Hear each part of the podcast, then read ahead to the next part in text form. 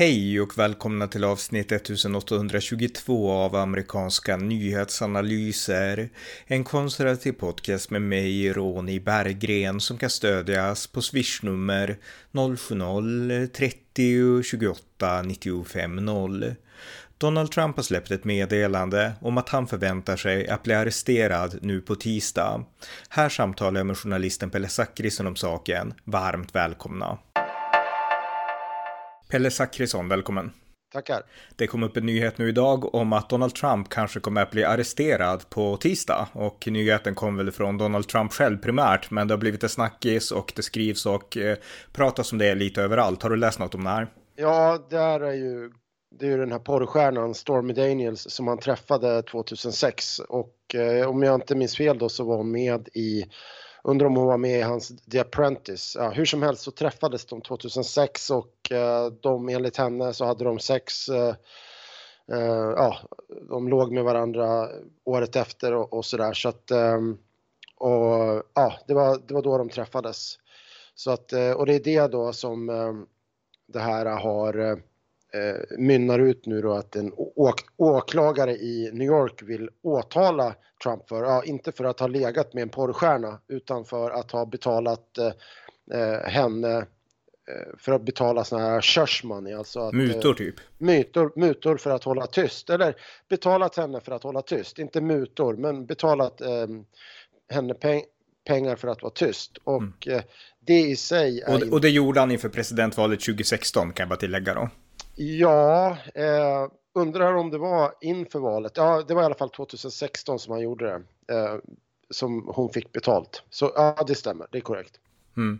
Eh, um, men eh, det här är ju någonting som, alltså här i Sverige kan man tycka att vad spelar det för roll att han har legat med henne, men i USA så är det oftast en grej liksom att man ska vara trofast i äktenskapet och så och att det hade kunnat lägga Trump till last i presidentvalskampanjen 2016. Så det var ju det som var orsaken då till att han betalade henne skulle jag gissa i alla fall. Ja, eh, alltså han eh, han är ju, han har ju betalat, eh, han ska ju då ha betalat pengar. Men det som är, eh, det de funderar på att väcka åtal, det är att det ska ha varit eh, oegentligheter med hur det redovisades. Alltså det är inte hur i Trumps företag, hur har man redovisat det här internt? När man har då, för den som betalade pengarna till Stormy Daniels, det var eh, Donald Trumps advokat och fixare Michael Cohen som eh, åkt, sedermera åkte in i fängelse för att han höll på och fifflade en massa. Så han satt i fängelse i tre år. Eh, numera är han ute och, eh, men han, det var han som betal, gjorde alla betalningar och så vidare. Sen har han i sin tur fått betalt av Trumps organisation. Och eh, nu då är det en åklagare i New York som gick till val. Eh, alltså åklagare blir ju val, huvudåklagare blir valda i USA. Och han gick till val på att han lovade att han skulle sätta dit Trump.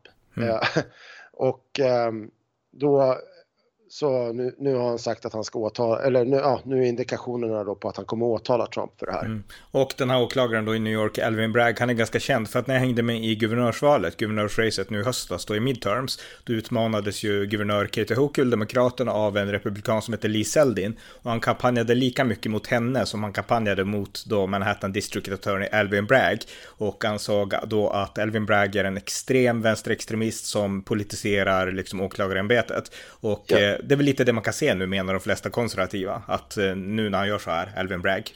Ja, men det, det, finns ju en, det absurda i Alvin Bragg, det är att han har, han hade dels löftet om att han skulle ge sig på Trump. Det andra löftet som var en stor, han gjorde en stor poäng av, det var att han inte skulle, han skulle inte väcka åtal i, i eh, minor eh, crime, alltså att han skulle liksom inte fullfölja när det var mindre, brott, mindre brott. Och, eh, en, och det, det många kritiker pekar på det är ju ett hyckleri att en, den här typen av, eh, om, det, om vi säger att det nu är en form av, eh, eh alltså att det är en form av oegentlighet i, i redovisning, alltså det är ett redovisningsbrott som man vill försöka sätta Donald Trump i fängelse för. Eh, alltså om ett redovisningsbrott inte är ett mindre form av brott, vad är då ett mindre form av brott? Så att eh, det, liksom han, han, eh, hycklar. Mm. Det, är ju, det är ju den stora kritiken mot Alvin Bragg. Ja, precis. För att det, det, det, som kritiken var under kampanjen då, alltså i höstas, det var ju att Elvin Bragg han struntar i att det är rån fullt i New York, att brottslingar släpps ut ur häktet mm. och att det är total lag, laglöshet på gatorna som drabbar vanliga New York-bor. Det bryr sig Elvin Bragg inte om. Men, men, han, bryr sig, men han bryr sig om att sätta dit Donald Trump. Exakt. För, för ett... Eh, då ett påstått eh, redovisningsbrott, eh, skattebrott eller vad man ska kalla det i Sverige. Mm. Och Greg Garrett och de här på Fox News, de konstaterar att det här är saker som ingen kan reglerna exakt och det här är liksom, det där var en federal valkampanj, han kan inte bryta mot New Yorks delstatslagar i en sån här kampanj förklarar de. Och de flesta menar att det här är bara ett, det är ett skådespeleri för Alvin Bragg vill verka tuff och liksom visa att nu kan jag sätta Donald Trump i handbojor. Men de flesta är ensamma om att det som kommer att hända är att Trump han kommer att, eh, han har sagt att han kommer att gå med på att bli liksom arresterad då. Eh, men sen kommer han att betala borgen och släppas för de kommer aldrig ha honom i häktet eller något sånt där. Och det kommer Secret Service inte heller gå med på säger de flesta. Och eh, sen kommer det kanske att bli någonting av det här. Men det är svårt att hitta ett case som kan liksom leda till att Trump straffas för något rent konkret, tror många. Ja, fast ja, nu Alan Dershowitz, jag håller inte alls med dig här. Alan Dershowitz, Harvard-professor. Menar somliga då, fortsätt. Ja, ja, Alan Dershowitz, eh, professor i, i eh, juridik i Harvard, som eh, han, han menar ju att eh, och han har ju försvarat Donald Trump flera gånger. Samtidigt är han ju, röstar han ju mot Donald Trump. Men han säger ju att Donald Trump i, har ju en jättedålig chans uppe i, för allt det här kommer ju då att avgöras uppe i New York. Så då samlar man en jury uppe i New York och eh, och att få Donald Trump upp, eh, förlåt, att få Donald Trump dömd i New York, det blir, det blir ingen större, inget större problem. Donald Trump Donald Trumps stora chans däremot, eller han kommer kunna överklaga och sen bli frikänd. Och det menar eh, Alan Dershowitz inte är ett problem. Men, men i en första instans uppe i, i New York, där kommer Donald Trump förmodligen att bli dömd menar Dershowitz. Just det. så att, eh, men Dershowitz poäng som en del Eh, i vänsterliberal media eh, kanske inte trycker så mycket på, det är ju att hela fallet, hela caset är eh, absurt. Han är stark motståndare till att, eh, till att eh, åtala Trump överhuvudtaget för han menar att det, att det skapar en farlig praxis. Mm. Jag, jag håller helt med om det, att det skapar en extremt farlig praxis. Alltså, det här är en idioti. Eh, det är att förvänta av en sån här som Alvin Bragg att göra så här, men det är totalt vansinnigt och eh, en president, även en före detta president, måste ha viss skydd mot sådana här saker, för att annars blir det liksom, annars blir partierna inte partier, utan annars blir de militärbastioner eh, som krigar mot varandra och då blir det en form av inbördeskrig. Så att sånt här måste man undvika till varje pris. Jag menar om vi tar Watergate, eller det här med Nixon, jag gjorde en poddserie om det förra sommaren. Eh, Eh, det som hände efter Watergate, det var ju till slut att Gerald Ford, eh, Nixons efterträdare, insåg att vi kan inte ha liksom att vi håller på att arrestera presidenter och kasta dem i finkan, utan de måste ha viss, liksom, eh, diskre, vad heter det för något, alltså de måste ha vissa möjligheter att ändå stå över lagen på ett sätt. Och eh, han benådade då Nixon. Och jag skulle tycka att eh, vill man på något sätt gräva ner yxan och liksom tagga ner den här extremt farliga polariseringen, då borde Joe Biden, om Trump nu blir fälld för någonting, benåda Trump och säga att nu ska vi fightas politiskt, men vi ska inte fightas med lagen. Det tycker jag vore det bästa. Det kommer inte att ske, men jag tror att det vore det bästa för USA. Ja, jag tror att man, behöver nog eh, ta ett par steg tillbaka ännu mer och titta på eh, den här, vad den här Alvin Bragg faktiskt gör. Han vill, han vill då sannolikt eh, få det här fallet som ett felony, alltså ett grovt brott, medan många, många juridiska bedömare i USA, nu är inte jag juridisk expert i USA, uppenbarligen inte, men många bedömare menar att det här är inte på, på den nivån, utan det här är ett, det här är ett, ett, liksom det är ett mindre, det här borde prövas på en lägre nivå, mm. så att säga. Och då, och att man, och att det i så fall skulle ha att göra med om Donald Trump betalar de här, eh, alltså de här pengarna till Stormy Daniels för att hålla tyst för att han skäms inför Melania Trump, då är det en sak. Men betalar han dem till, eh, till Stormy Daniels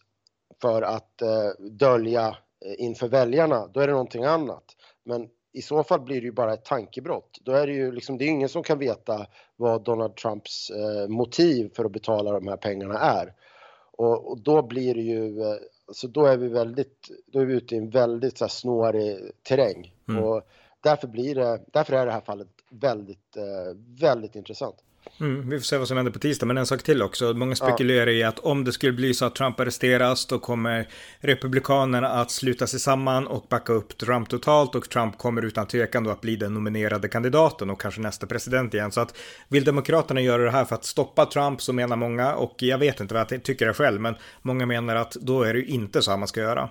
Ja, alltså det finns väl två aspekter av det där. Det ena, det är ju att eh, själva den här attacken och att uh, hela det här narrativet, det kommer naturligtvis stärka Trump. Det är jag helt övertygad om. Däremot är det ju så att om han blir dömd så kan det ju finnas liksom så, så att säga det här tekniska.